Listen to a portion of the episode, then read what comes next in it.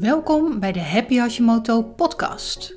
De podcast waarin ik jou meeneem in de wereld van de trage schildklier en ik je informeer en inspireer om op basis van weetkracht relaxed te gaan werken aan het verminderen van jouw restklachten. Enige tijd geleden vroeg ik jou, de luisteraar, om vragen in te sturen voor internist-endocrinoloog Danielle Steenvoorde. In een speciale QA-aflevering van de Happy Hashimoto podcast zou ik dan al jullie vragen aan haar stellen. Nou, en dat hebben we geweten. Er kwamen zoveel goede vragen binnen dat we besloten hebben om er drie afleveringen van te maken, zodat we zoveel mogelijk vragen kunnen beantwoorden. In deze eerste aflevering staan de onderwerpen artsbezoek en schildkliermedicatie centraal. Ga er even rustig voor zitten, dan gaan we snel van start. Danielle, welkom. Voordat we aan de slag gaan met het beantwoorden van alle vragen van de luisteraars, wil ik jou graag vragen om jezelf nog even voor te stellen aan de luisteraar. Ja, dankjewel Vera. Uh, hallo allemaal, ik uh, ben uh, internist en endocrinoloog. Heb eh, mijn opleiding gedaan, met name in het LUMC in Leiden, daar afgestudeerd als internist en. Inmiddels zes jaar geleden. Daarna een paar jaar als specialist gewerkt en toen besloten om hiermee te stoppen. En uh, sinds ruim een jaar heb ik nu mijn eigen praktijk, waarbij ik uh, met name uh, mensen met de ziekte van Hashimoto met restkrachten begeleid met leefstijl. Ik heb in de tussentijd ook een opleiding gedaan tot leefstijlcoach en um, ik volg de opleiding integrale geneeskunde aan de Academy Integrative Medicine. en eind van het jaar hoop ik mij dan arts integrale geneeskunde te noemen. Een hele mond vol en zoals ik het zou inschat, is dit een schat aan informatie en waardevolle begeleiding voor mensen met de ziekte van Hashimoto. Ik ben daarom ook heel blij dat jij uh, tijd vrijmaakt om de vele, vele, vele vragen van de luisteraars uh, te gaan helpen beantwoorden. Uh, het zijn zoveel vragen geworden dat het niet in één aflevering past. Waarschijnlijk worden dit er twee of zelfs drie. Maar vandaag maken wij een start samen met al die vragen. En dit zijn alle vragen die ik heb geclusterd onder de thema's, de noemers eh, bezoek aan een arts en schildkliermedicatie. Dus alle vragen die zijn binnengekomen rond deze onderwerpen gaan we proberen te beantwoorden in deze aflevering. Dus laten we maar gelijk van start gaan met even een mooie introductievraag. Wat is het verschil tussen een trage schildklier en Hashimoto en hoe worden deze diagnoses gesteld? De diagnose trage schildklier wil zeggen dat er een tekort is aan schildklierhormoon in het bloed. En dat is iets wat vastgesteld wordt met bloedwaarden. En Hashimoto is een van de oorzaken van een trage schildklier. Het is de meest voorkomende oorzaak van een trage schildklier. Andere oorzaken waar je aan kan denken zijn bijvoorbeeld uh, een operatie uh, aan de schildklier, waardoor die kleiner is geworden, of bestraling op de schildklier. Um, maar Hashimoto is een auto-immuunziekte uh, van de schildklier. En die kan dus vastgesteld worden met het bepalen van antistoffen tegen de schildklier. Helder is dus eigenlijk een, een tweede diagnose. Ja, inderdaad. Een aanvulling op wat is de reden van de trage schildklier kan zijn dat het inderdaad dan de Hashimoto is. Helder. Is er ook een verschil in behandeling tussen de diagnose trage schildklier en Hashimoto? En als deze nu hetzelfde is, komt daar in de toekomst nog verandering in? Als je kijkt naar de reguliere behandeling, dan is die gewoon hetzelfde. Um, want hetgene wat van de ziekte van Hashimoto behandeld wordt, is het stukje trage schildklier, oftewel een tekort aan schildklierhormoon. En dit wordt behandeld door het geven van uh, en um, ja, komt er in de toekomst verandering? Ik hoop het wel. Uh, en tot die tijd uh, probeer ik dat met mijn praktijk zoveel mogelijk uh, aan te bieden. Waarom wordt er eigenlijk niet standaard op Hashimoto getest door artsen?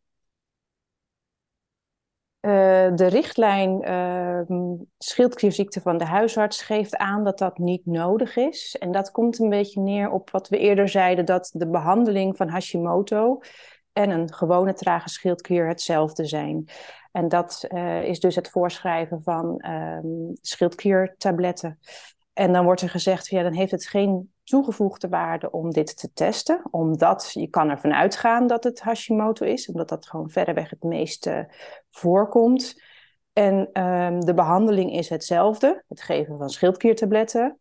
En een extra bloedbepaling kost dan in dat kader gewoon alleen extra geld. Zou dit ook de reden zijn waarom er niet op vrije T3 of reverse T3 wordt getest? Of is daar een andere reden voor? Dat is inderdaad ook inderdaad de belangrijkste reden waarom er niet op die waarde uh, getest wordt. Het heeft geen invloed op het beleid wat de huisarts zal inzetten. Aanvullend, ik kreeg namelijk een aantal vragen van luisteraars die um, aangaven, als ik mijn huisarts vraag om T3 te prikken, wordt er gezegd dat dat niet kan. En bij de internist wordt er gezegd dat er geen toegevoegde waarde is. Hoe zit, het nu, hoe zit dat nu en hoe ga ik daarmee om? Heb je daar een advies voor? Ehm, nou, het kan inderdaad kloppen dat uh, jouw huisarts uh, dat niet kan bepalen, want niet elk laboratorium uh, kan dat bepalen. De huisartsen werken vaak met een beperkter pakket dan wat het ziekenhuis kan aanvragen. Um, dus als je huisarts dat zegt, um, ja, dan kun je ook niet eisen van je huisarts dat dat toch gebeurt. Dat is sowieso wettelijk gezien in Nederland geregeld. Je mag een behandeling wel weigeren, maar je mag niks uh, eisen. Um, dus als je huisarts het aangeeft, het kan niet, of je internist zegt van het heeft geen toegevoegde waarde, um, dan zou je kunnen overwegen, zoals Vera ook wel eens aangeeft, om zelf je bloedwaarde uh, te laten bepalen. Uh, maar de vraag is inderdaad altijd wel van hè, wat, wat doe je met die, die uitslag? En dat is wel heel erg belangrijk om dat bij elk onderzoek van tevoren te bedenken. Wat ga ik doen met die uitslag? Uh, wat gaat het voor invloed hebben op wat ik ga veranderen in wat ik doe of wat de arts doet? Ja, precies. Dat is natuurlijk ook een belangrijke vervolgvraag. Wat ga je dan doen met die uitslag? Weet de arts wat hij daarmee kan doen? Kan die daar iets mee? En heb je er zelf iets aan? Op de bloedwaarde komen wij overigens in de volgende podcastaflevering nog uitgebreid op terug. Dus laten we deze voor nu even pauzeren.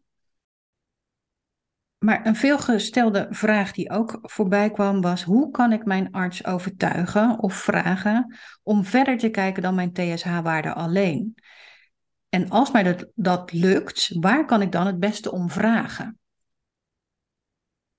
Um, het is een goede vraag, alleen merk ik dat ik die um, niet uh, eenduidig kan beantwoorden, want ik denk dat dat per persoon heel erg verschillend is wat je klachten zijn. Um, als je het hebt over alleen TSH-waarde um, en die is uh, normaal, hè, dan is het aanvullen van vrij T4 meestal ook niet afwijkend. Maar als je vraag bijvoorbeeld is van ja, zou ik toch uh, de ziekte van Hashimoto kunnen hebben met nog goede bloedwaardes? Ehm, dan zou je dat op die manier aan je arts kunnen vragen. Ja, ik ben, ben benieuwd of ik misschien toch de ziekte van Hashimoto heb, ondanks dat mijn bloedwaarden goed zijn. En als dat zo is, dan zou ik daar graag mee aan de slag willen hebben. Dus dat zou dan voor jou de meerwaarde kunnen zijn. En dan vraag je dus om de bepaling van anti-TPO? Ja, dan vraag je inderdaad om de bepaling van TPO-antistoffen. En verder is het met name heel erg de vraag van ja, vanwege welke klachten wil je dat er verder gekeken wordt dan alleen je TSH? En dat moet echt per, uh, per persoon uh, apart bekeken worden. Bij vermoeidheidsklachten kan dat bijvoorbeeld zijn een vitamine D of een B12 of een ijzer of... Ja, bijvoorbeeld inderdaad. Ja. Hè? Of uh, zijn er aanwijzingen voor een andere auto-immuunziekte, et cetera. Dus dat, uh, nou, het, belangrijkste is dat je goed in gesprek gaat met, uh, met je arts. Wanneer vraag ik om een verwijzing naar een internist en wanneer naar een endocrinoloog? En wat kunnen de overwegingen zijn? Um, in principe um, kan de huisarts de ziekte van Hashimoto, hè, de trage schildklier, zelf behandelen. Dat geeft hun richtlijn ook aan. Um, wanneer moet een huisarts iemand verwijzen naar een internist of endocrinoloog? Dat is bijvoorbeeld op het moment dat iemand al ouder is of hartklachten heeft en daardoor wat lastiger in te stellen is. Ehm, of als er twijfel is over de diagnose, dat het bijvoorbeeld niet de ziekte van Hashimoto is, maar iets anders. En met name bedoel ik daarmee op het moment dat het probleem niet in de schildklier zit, maar in de hypofyse. Um, en dat is bijvoorbeeld op het moment dat je TSH-waarde ook te laag is. Oftewel, dan doet je schildklier het gewoon goed, maar dan doet je hypofyse maakt te weinig TSH aan, waardoor je te weinig schildklierhormoon aanmaakt. Um, en ook op het moment dat er um, vragen zijn over de behandeling met uh, cytomel, het, het, het synthetische T3-hormoon, Um, daarvan geeft de richtlijn van de huisarts aan dat daar geen indicatie voor is. Maar als er vragen over zijn of twijfel, dan kan dat eventueel verwezen worden naar het ziekenhuis. Het andere punt is op het moment dat, uh, maar dat is niet zozeer wat in de richtlijn staat, maar ik kan me dat zelf wel goed voorstellen op het moment dat je nog veel restklachten hebt of over twijfel is over, is dit nou allemaal uh, nog de ziekte van Hashimoto of speelt er iets anders mee waar de internist wat uitgebreider naar kan kijken, bijvoorbeeld inderdaad met vermoeidheidsklachten. Um, een internist, um, hè, dat, is het, dat is een algemeen iets. Een internist kan weer specialiseren in verschillende dingen, zoals een endocrinoloog. In principe kan elke internist een, uh, een trage schildklier instellen. Oftewel uh, wat meer of minder schildklierhormoon en dit onderzoeken met uh, bloedbepalingen. Um, en ook andere auto-immuunziekten bekijken, zoals celiakie en vitamine B12. Een endocrinoloog die heeft over het algemeen toch wel wat meer affiniteit en ervaring met schildklieraandoeningen. Omdat die een specialisme in hormonen heeft. Ja, inderdaad. Ja, dat uh, is inderdaad specialist in hormonen, waaronder inderdaad ook de schildklier uh, valt. Ik hoor ook wel eens dat zodra je een kinderwens hebt of zwanger bent, dat het dan ook handig is om een verwijzing te vragen naar een endocrinoloog. Is dit in jouw uh, optiek ook zo?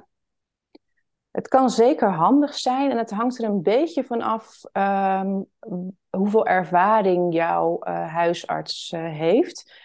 Als ik het dan weer heb over de, de standaard, dus de richtlijn van de huisartsen, dan staat daarin beschreven dat dat niet per se verwezen hoeft te worden, tenzij een vrouw niet uh, goed ingesteld uh, kan worden, niet stabiel ingesteld. Maar ook in hun richtlijn staat van hey, iemand moet van tevoren goed ingesteld zijn.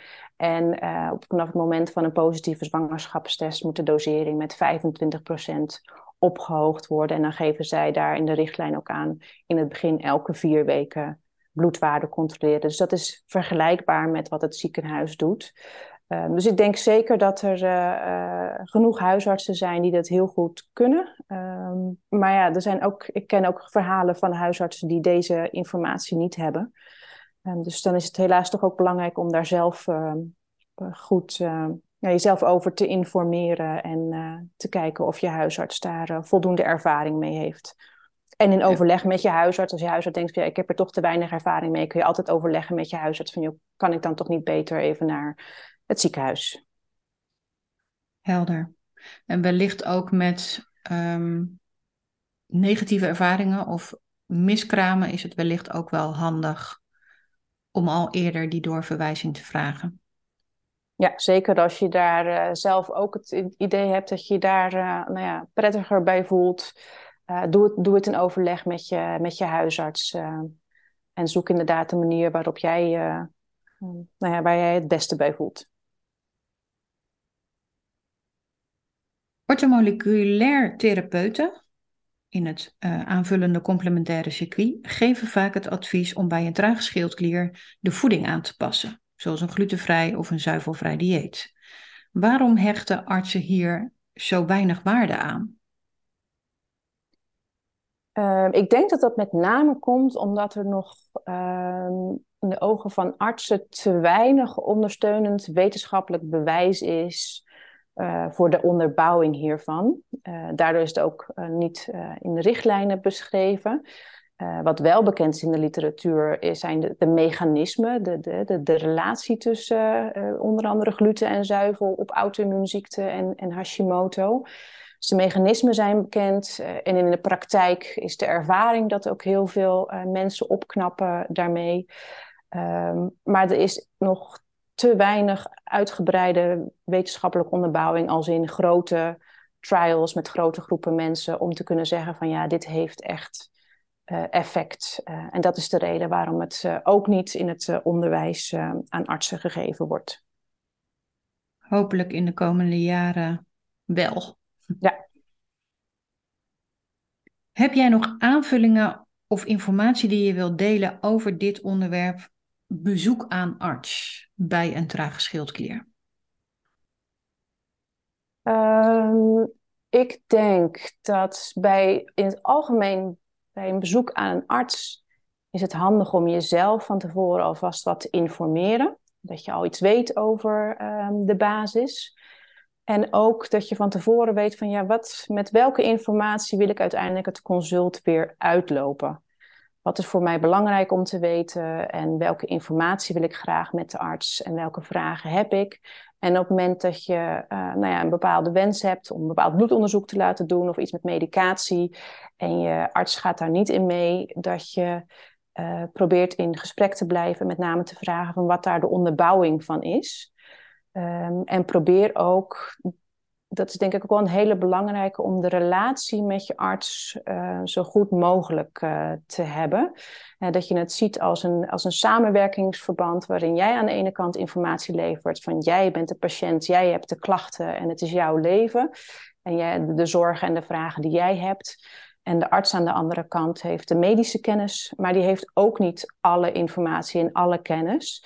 Dus zie het ook als een proces dat je er samen mee aan de slag moet. En dat kun je het best doen als je elkaar ja, als een beetje wat dat betreft als gelijkwaardig uh, ziet. En, uh, de, uh, en op een gegeven moment als dingen onduidelijk zijn, ook vraagt waarom dat is. En dat, dan blijkt er soms een reden te zijn waarom inderdaad een T3 niet bepaald kan worden. Of wat de reden, er is, reden is waarom je huisarts niet de medicatie wil, wil aan ophogen. En er zijn natuurlijk altijd artsen die, ja, waar je een artsen patiëntenrelatie die gewoon niet loopt, dat de, de, de, combinatie tussen jullie twee niet werkt. Dat kan altijd, um, geef dat aan en dan kun je altijd nog besluiten om op zoek te gaan naar een andere huisarts. Maar in het merendeel van de gevallen kun je er gewoon heel goed samen uitkomen. Dank. Hele heldere antwoorden op de vele vragen die over dit onderwerp zijn binnengekomen. Laten wij doorgaan naar de volgende categorie, namelijk mm, schildkliermedicatie.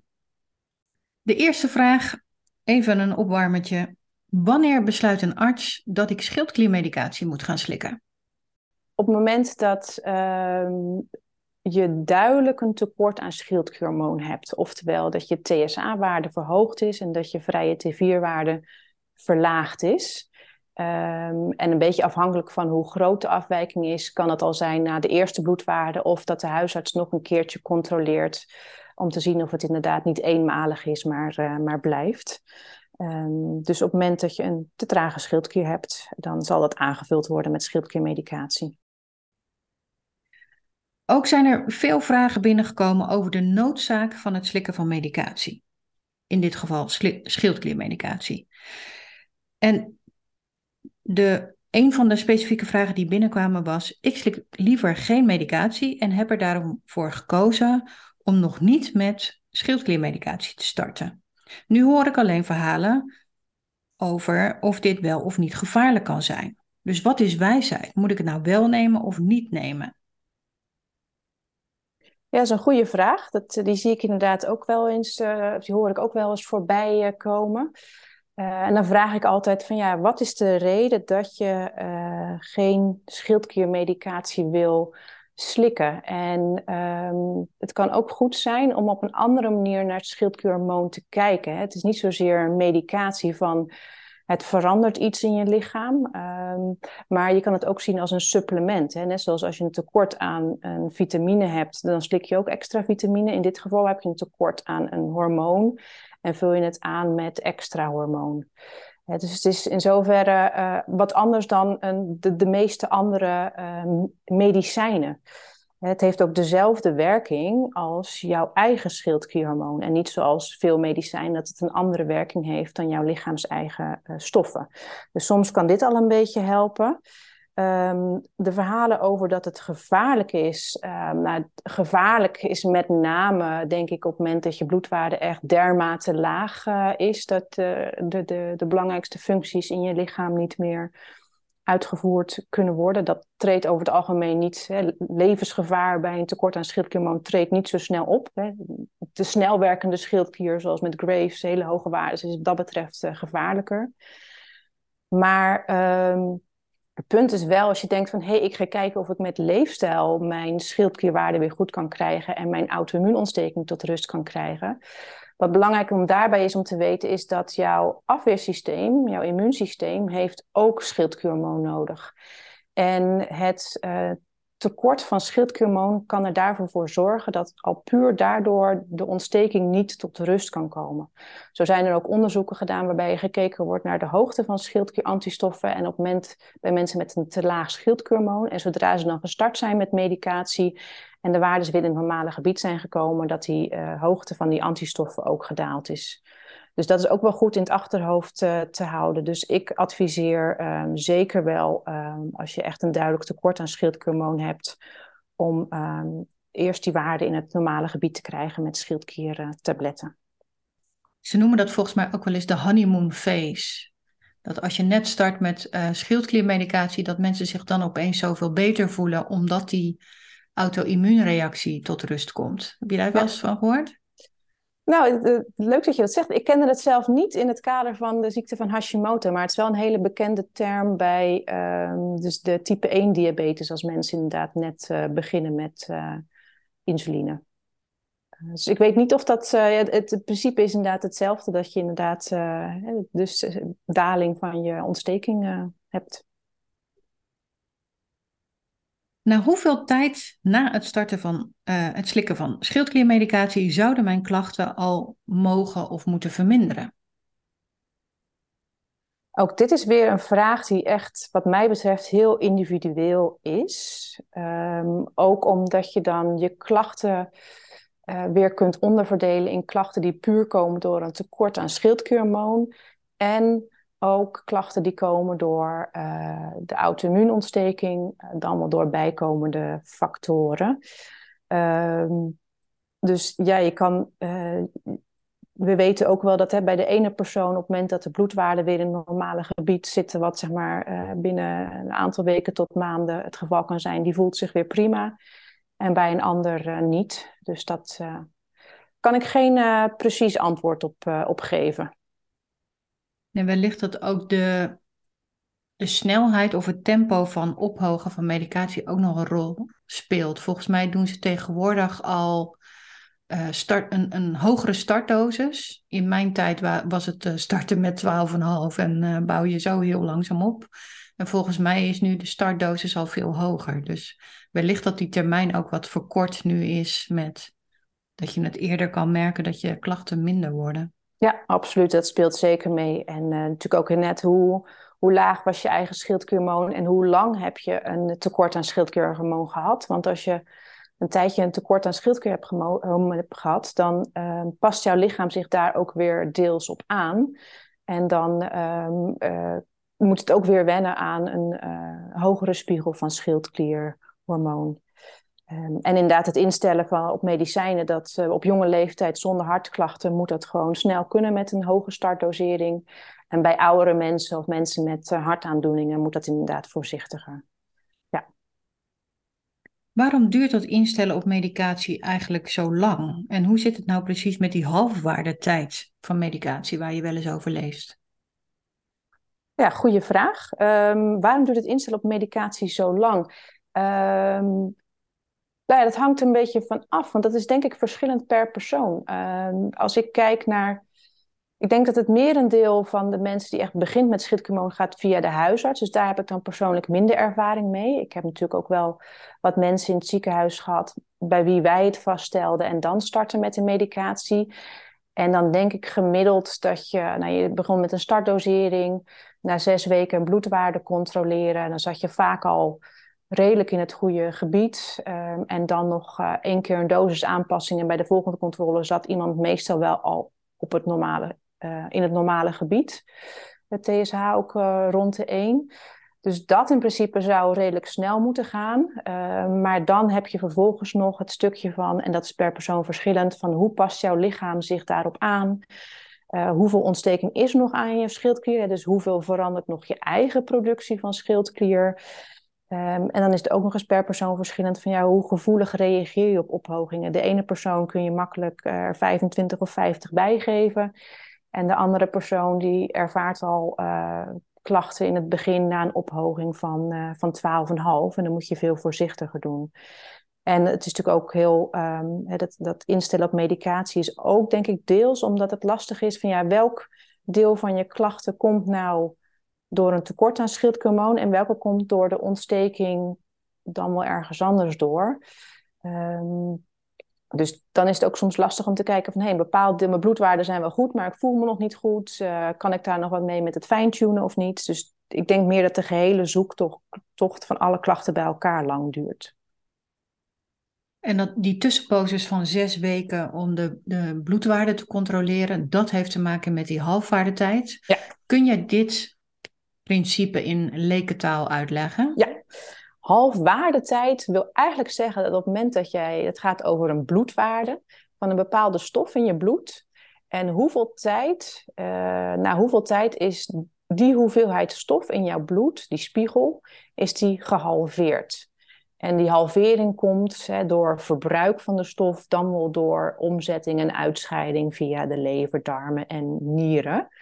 Um, en um, hoe langer de halfwaardetijd is, hoe stabieler de bloedspiegel. Hè? Als een halfwaardetijd heel kort is, dan zal die spiegel heel snel dalen. Um, en die halfwaardetijd bij het T4-hormoon is lang. ik weet het even niet precies meer uit mijn hoofd, maar echt uh, dagen. Uh, en, Volgens mij negen dagen of zo? Ja, zoiets inderdaad. Ik had ook denken, het zit, het zit rond een week. en je, op een gegeven moment, zeg maar, uh, als je meerdere doseringen achter elkaar hebt gegeven, kun je op een gegeven moment aan de hand van die halfwaardetijden een stabiele bloedspiegel hebben. Oftewel dat hij eigenlijk nog maar heel weinig schommelt, als je het netjes elke dag inneemt. En bij het T4-hormoon zit dat inderdaad rond de zes weken. Dus je kan wel eerder bloed prikken, um, maar pas rond de zes weken gemiddeld zit je echt op de stabiele doseer, uh, bloedwaarde van die dosering schildkliertablet. Um, en wat daar wel bij meespeelt, even als kanttekening, um, als jouw eigen schildklier nog onrustig is hè, door de Hashimoto, met meer of minder schildklierhormoon produceren, dat heeft natuurlijk ook invloed op je totale bloedwaarde. Ja, helder. Ik kreeg nog een vraag uh, binnen over dosis medicatie. En dat is, waarom moet ik bijna elk jaar mijn medicatie weer ophogen? Ja, dat is een, uh, ook weer een persoonlijk iets. Um, en dat kunnen er meerdere redenen voor zijn. De meest waarschijnlijke reden is omdat um, de productie van je eigen schildklier waarschijnlijk in de loop van de tijd steeds langzamer wordt. Doordat er dan toch nog steeds toename is van, van schade door de ziekte van Hashimoto. Uh, een andere veel voorkomende reden um, is uh, op het moment dat uh, je echt duidelijk in gewicht toeneemt en dus meer behoefte hebt aan, aan schildklierhormoon. maar waarschijnlijk heeft het dus te maken met verdere schade aan je schildklier en dus minder eigen productie. Een verlengde vraag die eigenlijk ja, hier heel goed op aansluit, die ook binnenkwam, was: hoe kan het zijn dat sommige mensen bijna hun hele leven dezelfde hoeveelheid medicatie slikken? Ja, die sluiten er inderdaad heel goed op aan. Um, en dat geeft ook weer goed aan hoe verschillend Hashimoto bij iedereen kan zijn. Uh, de mensen die uh, altijd dezelfde waarden uh, gebruiken en bijna niet meer hoeven aan te passen, nou, dat heeft dus eigenlijk te maken met dat de eigen productie van de schildklier stabiel blijft. Dus hetgene wat in je bloed zit en wat in je bloedwaarde gemeten wordt, is de combinatie van je eigen schildklierhormoon, je eigen T4 die jouw lichaam maakt, samen met de tabletten die je slikt. Dus als die waarde steeds stabiel blijft en je hebt dezelfde dosering, dan is dus je eigen productie ook stabiel. En dat kan betekenen dat je, uh, dat je Hashimoto rustig is en dat er weinig uh, uh, of geen nieuwe schade ontstaat. Maar het kan ook bijvoorbeeld zijn dat jouw gehele dosering of jouw gehele bloedwaarde puur is van de tabletten en jouw eigen schildklier al nagenoeg niks meer maakt. Uh, en dan meet je dus gewoon de stabiele waarde van uh, de tabletten. En als jouw gewicht in die tijd uh, ook nauwelijks veranderd is en je behoefte hetzelfde is gebleven, dan is dat de reden. Mijn arts heeft me op Euthyrox gezet, maar ik begrijp dat er meerdere merken zijn. Heeft overstappen zin als ik mij nog slecht voel? Wat zou een afweging zijn om te switchen naar een ander merk en wat zijn dan mijn opties? Ja, een goede vraag. Hoe ik daar zelf uh, uh, mee uh, omga, is dat ehm, ik zie het een beetje als, eh, als een stappenplan. Stap 1 zou zijn van ben je goed ingesteld qua TSH-waarde. En dan kan je een beetje richten op een TSH van rond de 1. dan weet je in ieder geval dat het niet is omdat je echt een tekort hebt aan schildklierhormoon. Voordat je allerlei wisselingen gaat inzetten.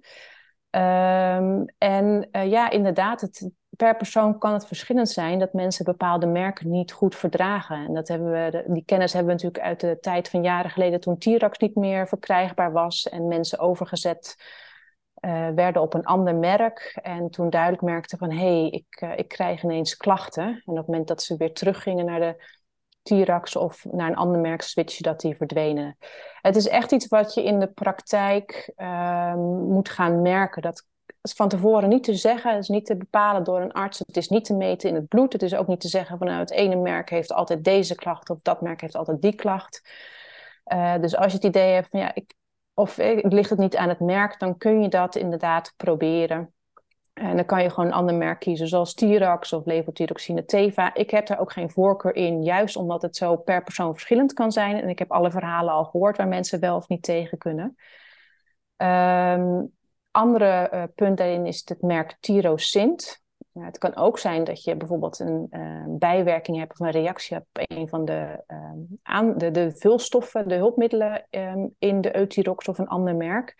En tyrosint is het vloeibaar schildklierhormoon in capsules met eigenlijk nagenoeg geen ehm, toegevoegde stoffen. En door tyrosint dan te slikken zou je erachter kunnen komen van... hé, hey, ligt het nou misschien inderdaad aan een, aan een vulmiddel? Uh, tyrosint moet je een kleine eigen bijdrage zelf betalen. Voor een aantal euro per maand. Uh, en dat is dus uitproberen. Um, en dus het voordeel kan zijn dat als je switcht van het ene merk naar het andere, dat je zegt van ja, ik voel me bij deze veel beter. Uh, het nadeel kan zijn is dat je dan toch weer aan het switchen bent. En ook qua bloedwaardes, omdat het per merk nog wel een klein beetje verschillend kan zijn. Uh, waar je uiteindelijk qua bloedwaarde op, op uitkomt.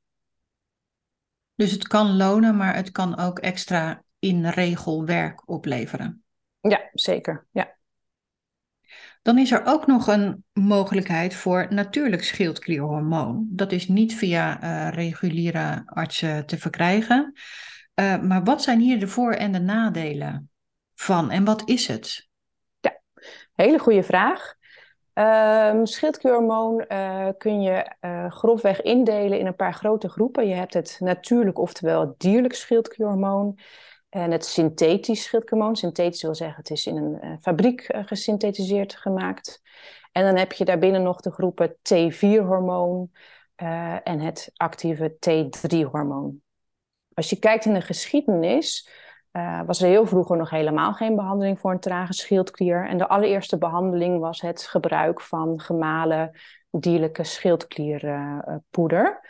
Tot op een gegeven moment um, de, uh, het synthetische schildklierhormoon gemaakt kon worden. En toen zijn ze volledig, de artsen volledig overgestapt op synthetisch schildklierhormoon. Met het idee van het lichaam is in staat om het T4 om te zetten in T3 met de verschillende enzymen die er zijn, de zogeheten deiodinases.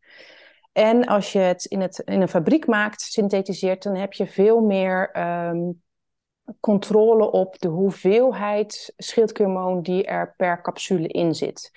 En toen werd er gezegd, dit is veiliger, dit is beter controleerbaar, de werking in het lichaam is hetzelfde, dus we stoppen met het dierlijk, oftewel het natuurlijke schildklierhormoonpoeder. Uh, en we gaan alleen maar over op het synthetische levothyroxine, oftewel T4. Um, het, natuurlijk uh, dierlijk schildklierhormoonpoeder wordt nog steeds verkocht. Um, door, uh, wordt gemaakt. zoals ik het heb geleerd in mijn opleiding werd eigenlijk gezegd van ja, het is niet veilig, want hè, we hebben een betere versie en van het poeder kun je niet goed controleren wat de hoeveelheid T4 en T3 uh, is die erin zit. En dat zou per keur kunnen verschillen. Inmiddels heb ik uh, geleerd dat die kwaliteitscontroles op het uh, natuurlijk schildhormoon goed zijn. En dat ze eigenlijk best wel goed kunnen zeggen binnen bepaalde ranges hoeveel T4 en T3 er per um, capsule of per um, tablet in zit. Um, een ander verschil uh, tussen het synthetische en het natuurlijke schildhormoon is dat er niet alleen T4 in zit en ook niet alleen T3, maar ook een aantal andere hormonen zoals T1 en T2. Dus het is de volledige gemalen schildklier. Um, het uh, nadeel um, is, of het verschil is, is dat de verhouding van de hormonen van het dierlijke schildklier is toch wel wat anders dan de verhoudingen die wij mensen hebben. Um, en het is iets wat, wat praktisch wat lastiger verkrijgbaar is en waar je ook, wat je ook zelf moet betalen. Um, en de, ja, de meeste huisartsen willen daar waarschijnlijk ook niet aan meewerken. Ik zelf um, schrijf het indien gewenst wel voor. En ik heb dus geen voorkeur voor synthetisch of natuurlijk schildhormoonpoeder. Of voor alleen T4 of de combinatie T3, T4. Omdat dat is mijn ervaring in de praktijk en ook wat ik uh, lees en hoor, is dat het ook weer per persoon uh, verschillend is. Dus ook dat is iets wat je uh, nou ja, zelf uh, in je zoektocht soms moet gaan uitzoeken. En ik denk dat het merendeel van de mensen het echt prima goed genoeg doet op het synthetische T4 en T3. En een deel van de mensen, ja, die voelt zich beter op natuurlijk schildklierhormoon. kan ik ook niet van tevoren voorspellen. Kan ik niet met bloedwaarden onderzoeken. Dus wat dat betreft een eigen zoektocht en, en eigen beslissing. Ik kreeg ook nog een aantal vragen van vrouwen die qua bloedwaarde nog wel een beetje zouden kunnen ophogen met de medicatie, maar dan diverse bijwerkingen krijgen, zoals trillerigheid en gejaagdheid, angsten. Wat zouden zij kunnen doen? Zijn er veel mensen die niet goed reageren op schildkliermedicatie? Of zijn dit twee verschillende dingen? Um, het is inderdaad een vraag waar ik niet een um, heel algemeen, of tenminste een heel direct antwoord op kan geven. Um, ik zou bij zo iemand kijken van, wat zijn inderdaad je bijwerkingen? Um, als je inderdaad zegt, nou, de reden is waarom, het, het, eerste deel van de vraag zegt van, hè, zouden nog wel een beetje kunnen ophogen? En wat is dan de reden dat je nog wel een beetje kan ophogen? Is dat omdat de bloedwaarde nog niet ideaal is? Of is dat omdat iemand nog uh, hypoklachten ervaart. Dus nog het uh, klachten van een te laag hoeveelheid schildhormoon. In het laatste geval zou ik zeggen, ja, uh, ga proberen op te hogen. Maar in het eerste geval, als je bloedwaarde nog niet ideaal is, maar je voelt je helemaal prima, ja, waarom zou je dan um, ophogen? Dat gezegd hebbende, um, dan heb je ook nog inderdaad van, nou, je hebt hypoklachten en heb je een groep mensen die het ophoogt met een klein beetje, maar dan inderdaad hyperklachten ervaren. Dus een beetje trillerigheid, onrust, gejaagdheid, een beetje intern uh, gevoel van beven. Um, en dan is mijn advies over meestal dat ik zeg, nou, hoog het in hele kleine stapjes op, 12,5 of misschien zelfs uh, nog de helft van 12,5, 6,25. En um, het lichaam, vooral mensen die gevoelig zijn, of hooggevoelig zijn, hè, die, die veel uh, voelen in hun lichaam, die uh, merken vooral in het begin uh, iets van de hogere bloedwaarde. En dan moet het lichaam zich daar gewoon eventjes aan wennen. Dus het kan ook zo zijn dat het alleen de eerste week of de eerste twee weken is. Um, en um, ja, zijn er veel mensen die niet goed reageren op schildkliermedicatie? Um, ik denk dat het dat een vraag is die je op meerdere manieren kan interpreteren. Dus is het inderdaad nou, ik zal me even beantwoorden voor de verschillende manieren dat je het kan interpreteren. Het is het stukje wat ik net al heb gezegd, de ophoging. Dat heeft met name ook, denk ik, te maken met van heb je echt meer nodig? Of ben je gewoon even de eerste paar weken wat gevoelig voor de hogere waarden? Uh, het andere punt hadden we net al beantwoord van kan het aan het merk liggen of een, of een hulpstof. Hè? Dat zou eventueel tyrosint goed moeten zijn. En het laatste, maar dat is echt heel erg zeldzaam. Dat heb ik zelf nog niet meegemaakt in de praktijk, maar ik weet wel dat het zo is. Is mensen die echt niet tegen schildklierhormoon zelf kunnen, maar die hebben dan antistoffen tegen het schildklierhormoon. Uh, en, maar dat geeft met name problemen met de bloedwaardebepaling, de, die niet goed uh, interpreteerbaar is. Maar dat is echt een hele zeldzame oorzaak. Zoals ik al zei, dat heb ik nog nooit zelf in de praktijk gezien. Dus uh, ja, het is, het is, met name iets wat echt heel persoonlijk uh, bekeken moet worden door uh, de patiënt en de arts zelf. Van waar, wat voor klachten heeft iemand, waar komt het door en wat doe je met medicatie dan? Ja, en wat is de reden waarom je wil ophogen? Ja. Ja, ik weet toevallig van een van de vraagstelsters, die had een TSH volgens mij van 4,5. Um, en nog restklachten, die voelde zich nog niet helemaal top. De huisarts wilde dus eigenlijk iets ophogen, zodat die TSH wat verder ging dalen. Maar zodra er maar het minste of geringste aan medicatie bij kwam, schoot ze gelijk door in de hyper en voelde ze zich ook nog slecht. Um, dus dat is waarschijnlijk zo'n hooggevoelig, hooggevoelige reactie. Ja, inderdaad. En weet je, dat is bij, bij op het moment dat die TSH-waarde nog niet in het normale gebied zit, dan zit je soms een beetje van, ja, wat, wat uh, een andere vraag was natuurlijk van, uh, kan je ook zonder schildkliermedicatie? Nou, je, je immuunsysteem en ook je andere organen hebben wel voldoende schildklierhormoon nodig.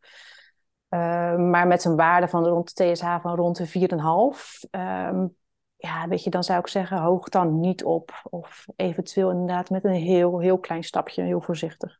Of probeer eerst een Terosint of een ander merk nog. Ja, afhankelijk van je klachten, inderdaad. Ja. ja. Oké. Sommige mensen nemen T4-medicatie plus aanvulling T3-medicatie in de vorm van cytomel. Maar kun je ook alleen T3 slikken, dus zonder de T4-medicatie, alleen cytomel dus? Uh, ik weet dat er mensen zijn die dat nemen met de gedachte dat het T3 is je actieve schildklierhormoon, dus uh, waarom niet uh, dat nemen? En het zijn ook mensen die zich dan na lange zoektocht daar uiteindelijk het beste bij voelt. Zelf zou ik het niet adviseren, omdat uh, in je lichaam maakt je eigen schildklier ook met name T4 aan en een deel uh, T3.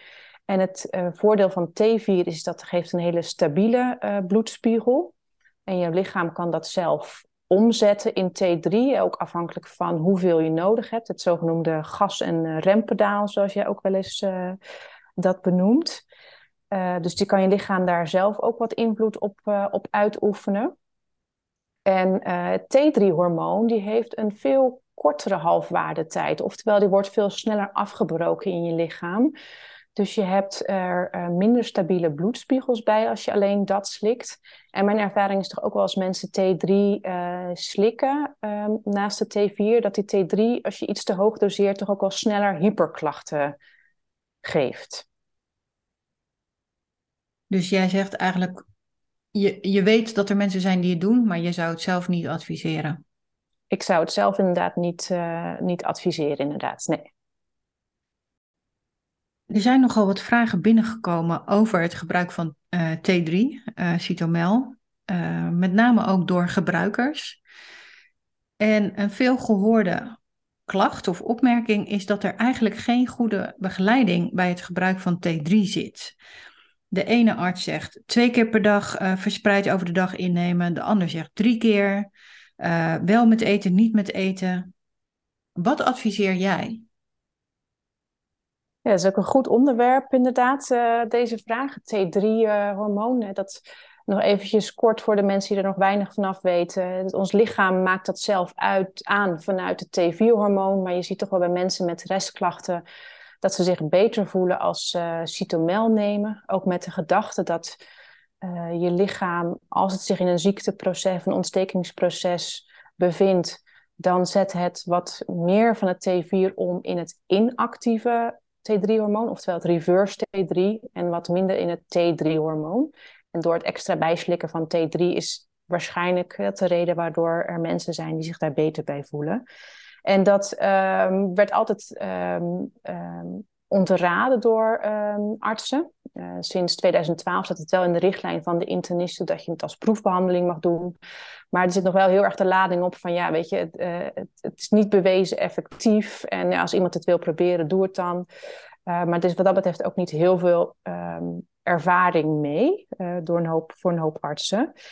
En um, als je kijkt naar um, de halfwaardetijd van T3, oftewel hoe snel wordt het afgebroken in je lichaam en wil je een stabiele waarde hebben, dan is het handigst om het twee keer per dag in te nemen. moet ook op de nuchtere maag ingenomen worden. Dus dat kan je ochtends bij je T4-hormoon innemen. En uh, meestal is het praktisch voor mensen als ze dat s'avonds voor ze gaan slapen op de maag uh, innemen. Um, en vaak zijn het dezelfde doseringen, s ochtends en s avonds. Maar het kan ook zo zijn dat je qua dosering uitkomt op uh, uh, verschil tussen de twee. En dan zou het advies zijn om de hoogste dosering s'avonds in te nemen. Het heeft ook een beetje te maken met je eigen productie van T3-hormoon. Uh, die dan wat hoger is om dat na te bootsen. En dus wel inderdaad de nuchtere maag. Dat heeft gewoon puur te maken met hoe goed het opgenomen wordt. Dat dat niet geblokkeerd wordt door eten erbij. Um, en dit is het algemene advies. En natuurlijk kan er weer per persoon individueel daar variatie in zijn. Dat, uh, er zitten soms verschillen in hoe snel mensen iets afbreken of hoe ze het merken of gewoon wat praktisch is. Sommige mensen voelen zich ook prima als ze het één keer per dag uh, innemen. En ja, ik kan me ook voorstellen, ik ken ze nog niet, maar ik kan me voorstellen dat er mensen zijn die um, kleine verschillen in de bloedspiegel al opmerken en het daardoor zich beter en stabieler voelen als ze het drie keer per dag uh, innemen. Maar dat lijkt me ook praktisch wel wat lastig aangezien het op een lege maag moet. Ja, precies. Dat, dat is vaak het lastige. Ik, heb, ik slik zelf ook T4 en T3 um, en heb het een tijdje, of eigenlijk de eerste periode, eigenlijk altijd s ochtends tegelijkertijd met T4 en dan uh, smiddags rond een uur of uh, drie, vier nam ik dan de tweede dosis. Maar dat was echt tricky, want dan moet je niks gegeten hebben voor die tijd. En dat komt nog wel eens voor dat je dan toch een appel op hebt of weet ik wat. En dan zit je al in zo'n schemergebied. Daarna ben ik het dus voor het slapen gaan in gaan nemen, maar ik merk geen verschil. Maar ik weet wel dat er heel wat mensen zijn die dat verschil inderdaad wel merken. Dus dit is ook, denk ik, echt iets van uitproberen en ja, kijken hoe dat voelt. Ja, zeker. En dat, uh, ja, dat, dat is ook gewoon een algemeen advies. Er zijn de algemene richtlijnen en adviezen die voor de meeste mensen uh, gelden. Maar als jij voelt of merkt dat het bij jou anders werkt, blijf je dan niet vasthouden aan het stukje van ja, maar bij andere mensen gaat het zo. Want we zijn gewoon allemaal verschillend. Dan zijn er ook nog een aantal vragen binnengekomen over het verlagen van medicatie. Ook een populair onderwerp. Zo kwam er binnen. Betekent minder medicatie dat het beter met me gaat en ophogen dat het slechter met me gaat? Zoals dat ook bijvoorbeeld bij diabetes type 2 is? Nou, weer een hele mooie vraag en uh, ook een goede vraag. Uh, het korte antwoord is nee. Um, en ehm, dus het wat uitgebreider antwoord is, is dat er kunnen meerdere redenen zijn waardoor je meer of minder schildklierhormoon nodig hebt. Als je een beetje kijkt van wat is de, en dat is misschien wel goed om dat even als achtergrond te hebben van ja, wat is het, het ziekteproces? Hè? Wat gebeurt er met de ziekte van Hashimoto? Want ook dat is per, iedereen, per persoon verschillend. Hè? Er ontstaat op een gegeven moment ontstaan er antistoffen en uh, vervolgens ontstaat er een ontstekingsreactie. Um, maar is, hoeft je bloedwaarde van je schildklierhormoon nog niet afwijkend te zijn. En uiteindelijk, door die ontstekingsreactie, is er zoveel schade aan je uh, schildklier dat er een tekort aan schildklierhormoon is. Um, en is dat meetbaar in het bloed. Dit hele proces, dat kan per persoon verschillend zijn hoe snel dat gaat. Hè. Van de eerste fase naar de laatste fase kan heel snel ontstaan, maar ook heel lang duren. Maar ook kan het proces per persoon uh, continu heel actief zijn, de auto-immuunontsteking, of ook weer tot rust komen en weer actief worden. Nou, dat is één deel van de achtergrond. Het andere deel is dat op het moment dat jouw auto-immuunontsteking opvlamt, kunnen er een aantal dingen gebeuren. Het kan zijn dat er door de schade aan de schildklier, dat er juist meer schildklierhormoon tijdelijk in je bloed terechtkomt, zoals bij een postpartum thyroiditis na een bevalling. Dus de schildklier maakt niet alleen schildklierhormoon, maar slaat het ook op in de zogenoemde follicels. Um, en op het moment dat die beschadigd raken, kan er een grote voorraad ineens vrijkomen. Dus ook dat kan in kleine hoeveelheden uh, gebeuren tijdens een opvlamming, waardoor je tijdelijk iets meer eigen schildklierhormoon in je bloed hebt. Uh, en het andere deel is op het moment dat er meer schade is aan je schildklier, uh, dan uh, kan de totale productiecapaciteit in de loop van de tijd afnemen. Dus um, ja, een aantal redenen waardoor je ineens minder medicatie nodig hebt. Kan zijn dat je een tijdelijke opvlamming hebt, waardoor je eventjes te veel schildhormoon in je bloed hebt, wat daarna weer daalt. Uh, het kan ook zo zijn dat het inderdaad beter met je gaat en dat je wat minder nodig hebt. Um, het kan ook zo zijn dat je afgevallen bent flink, waardoor je minder nodig hebt. Uh, en als je meer nodig hebt, uh, kan inderdaad zijn dat toch wat meer schade aan je schildklier is, dat hij wat minder zelf produceert. Of als je ineens fors aan gewicht bent, bent toegenomen. Dus dat is het, het langere antwoord. Ja, volgens mij is het zelfs nog um, na de overgang. heb je waarschijnlijk minder medicatie ja. nodig. als je stopt of start met de pil, gaat er, gaan er dingen veranderen. Dus er zijn nog veel meer ja oorzaken volgens mij waardoor een aanpassing nodig is, wat niet per se te maken heeft met hoe goed ja. het met jou gaat. Ja, absoluut. Hele goede aanvulling inderdaad. Ja, dat zijn hele spe specifieke stukken inderdaad waarbij je gewoon uh, meer of minder behoefte hebt. Absoluut. Er kwam nog een vraag binnen van een mevrouw die op dit moment in een leefstijltraject zit en uh, lekker aan het afvallen is. Um, en haar vraag is: om de hoeveel kilo is het zinvol dat ik afval? Is het zinvol om mijn bloedwaarde te controleren en uh, om eventueel mijn medicatie te verlagen? Is dat zinvol of kan ik beter wachten uh, tot ik klachten krijg van een te snelle schildklier? Als je kijkt naar wat de behoefte is aan schildklierhormoon gemiddeld, dan is dat 1,6 microgram per kilogram lichaamsgewicht. Dus een verschil van ongeveer 7 kilogram zou dan neer moeten komen op 12,5 microgram levothyroxine. Uh, dus dat is een beetje de, de achtergrond. Dus uh, eh, 1 of 2 kilo uh, afvallen, dat zal waarschijnlijk geen effect hebben. Maar als je dat soort grotere hoeveelheden uh, gaat kijken dat je richting de 10 kilogram of meer gaat, dan uh, moet je daar wel aan denken. Dus als je boven de 5 kilogram gewichtsverlies komt, zou ik wel adviseren om uh, je bloedwaarde een keer te laten controleren. Maar het allerbelangrijkste is inderdaad gewoon om je klachten in de gaten te houden. Ervaar je hypersymptomen of hyposymptomen? Helder. Nog een vraag over het innemen van schildkliermedicatie. Wat is beter, ochtends innemen of juist s avonds voor het slapen gaan? En dan gaat het nu dus om de T4-medicatie. Dat is um, per persoon verschillend. Ik, ik, ik hoor mezelf steeds uh, herhalen, maar dat is denk ik ook een hele belangrijke strekking uh, van deze podcast. Hè. Dat, uh, er zitten gewoon verschillen bij iedereen. En sommige, heel veel dingen moet je gewoon toch ook voor jezelf uitzoeken wat praktisch is. Het belangrijkste is dat het uh, op een lege maag ingenomen wordt en dat het dus de tijd heeft om opgenomen te worden. En omdat uh, T4-hormoon zo'n lange halfwaardetijd en dus een stabiele bloedspiegel uh, heeft, maakt het niet heel veel uit of je dat nou s ochtends of s avonds inneemt, zolang je het maar wel elke dag hetzelfde doet. Uh, dus kijk wat praktisch is. De meeste mensen, voor de meeste mensen is dat s ochtends het makkelijkst. die, die hebben geslapen en die uh, hebben daardoor een lege maag, nemen het in en wachten een half uur tot ze gaan, gaan eten. Uh, maar er zijn ook mensen bij wie dat ochtends helemaal niet zo goed uitkomt. En voor die is het makkelijker als het s'avonds uh, voor het slapen gaan innemen. Bijvoorbeeld omdat ze het gewoon ochtends vergeten en er s'avonds makkelijker aan denken.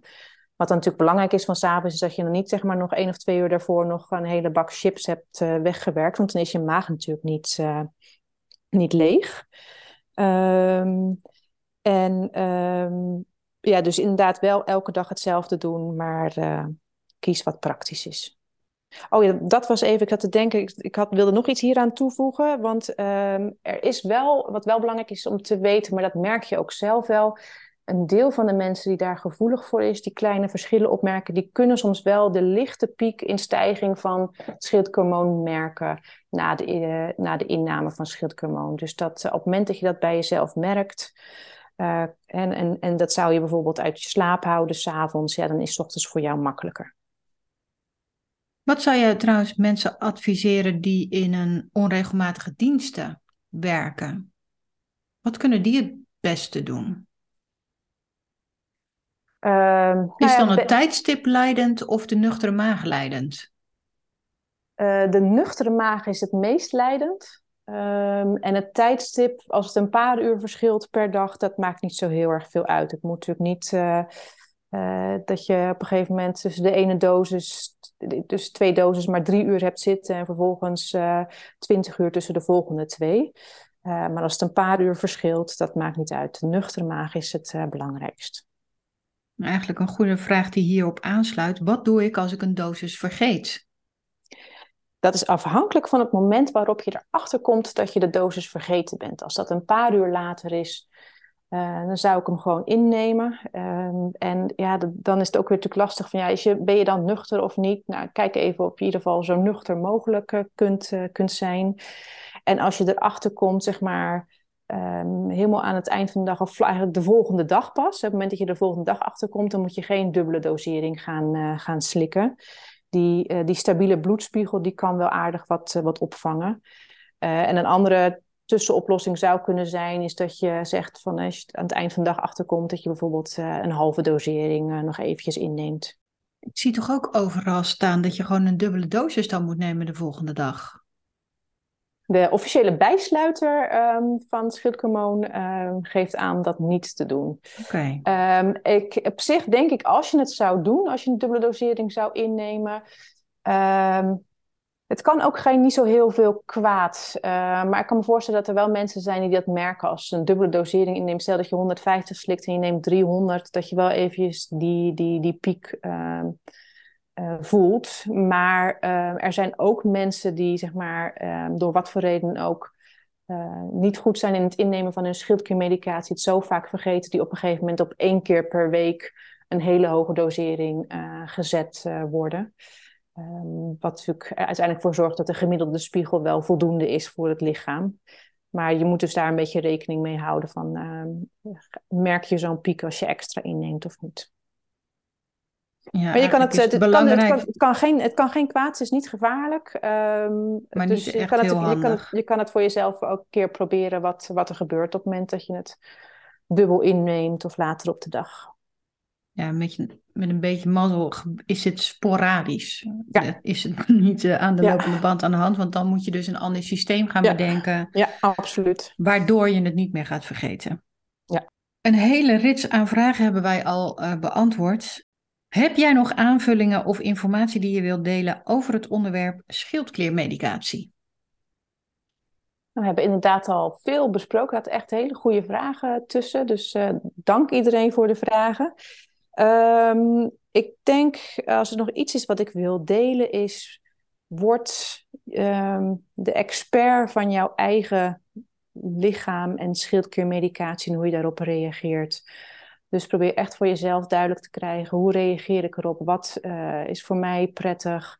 Waar voel ik me het beste bij? Uh, wat zijn de doseringen? Wat zijn de bloedwaardes? Uh, wat zijn mijn klachten? Probeer daar echt een beetje steeds meer kennis over te krijgen. Um, dat jij de expert wordt op jouw lichaam en op jouw Hashimoto. En dan laten artsen maar expert zijn op het algemene stukje. Heel mooi advies. En gelukkig gaan wij nog een podcast samen opnemen. En daarin gaan wij samen dieper induiken op bloedwaarden. Uh, dus ik denk dat dat een heel uh, waardevol vervolg wordt op deze podcast. Ik wil je voor nu bedanken voor je tijd en al je kennis en inzichten en hulp bij het uh, beantwoorden van deze vragen. En uh, wij gaan snel een date samen maken voor de opname van de volgende. Ja. Dankjewel, Danielle. Graag gedaan en bedankt dat ik ook mee mocht helpen. Jij ook. Uh, ik wil nog even zeggen dat ik het super vind wat je allemaal voor uh, de hele groep uh, Hashimoto-patiënten doet. Hè? Want je ziet ook weer met deze vragen van hoeveel uh, hoe, hoe, ingewikkeld is het eigenlijk om een trage schildklier en de ziekte van Hashimoto te hebben? En ja, je krijgt de ziekte, maar je krijgt niet de cursus en het cursusboek erbij. En uh, er is zoveel onduidelijkheid um, en zoveel verschil in kennis die er gedeeld wordt. En ik ben heel erg blij dat ik heb mee kunnen werken aan uh, ja, toch hopelijk een en ander verduidelijken voor de mensen en hun helpen in hun, in hun zoektocht naar zich beter voelen. Dat heb je zeker gedaan. We gaan er binnenkort snel weer een opnemen. Bedankt voor het luisteren. Ik hoop dat je weer een aantal tips en aanknopingspunten voor jouw herstel hebt mogen ontvangen. Wil je nu geen aflevering meer missen? Abonneer je dan op de Happy Hashimoto podcast door op de knop abonneer of subscribe te klikken in jouw favoriete podcast app. En ben je heel enthousiast over deze podcast? Laat dan gelijk een mooie review voor me achter. Zo kunnen we samen nog meer mensen helpen. Alvast bedankt en tot de volgende aflevering.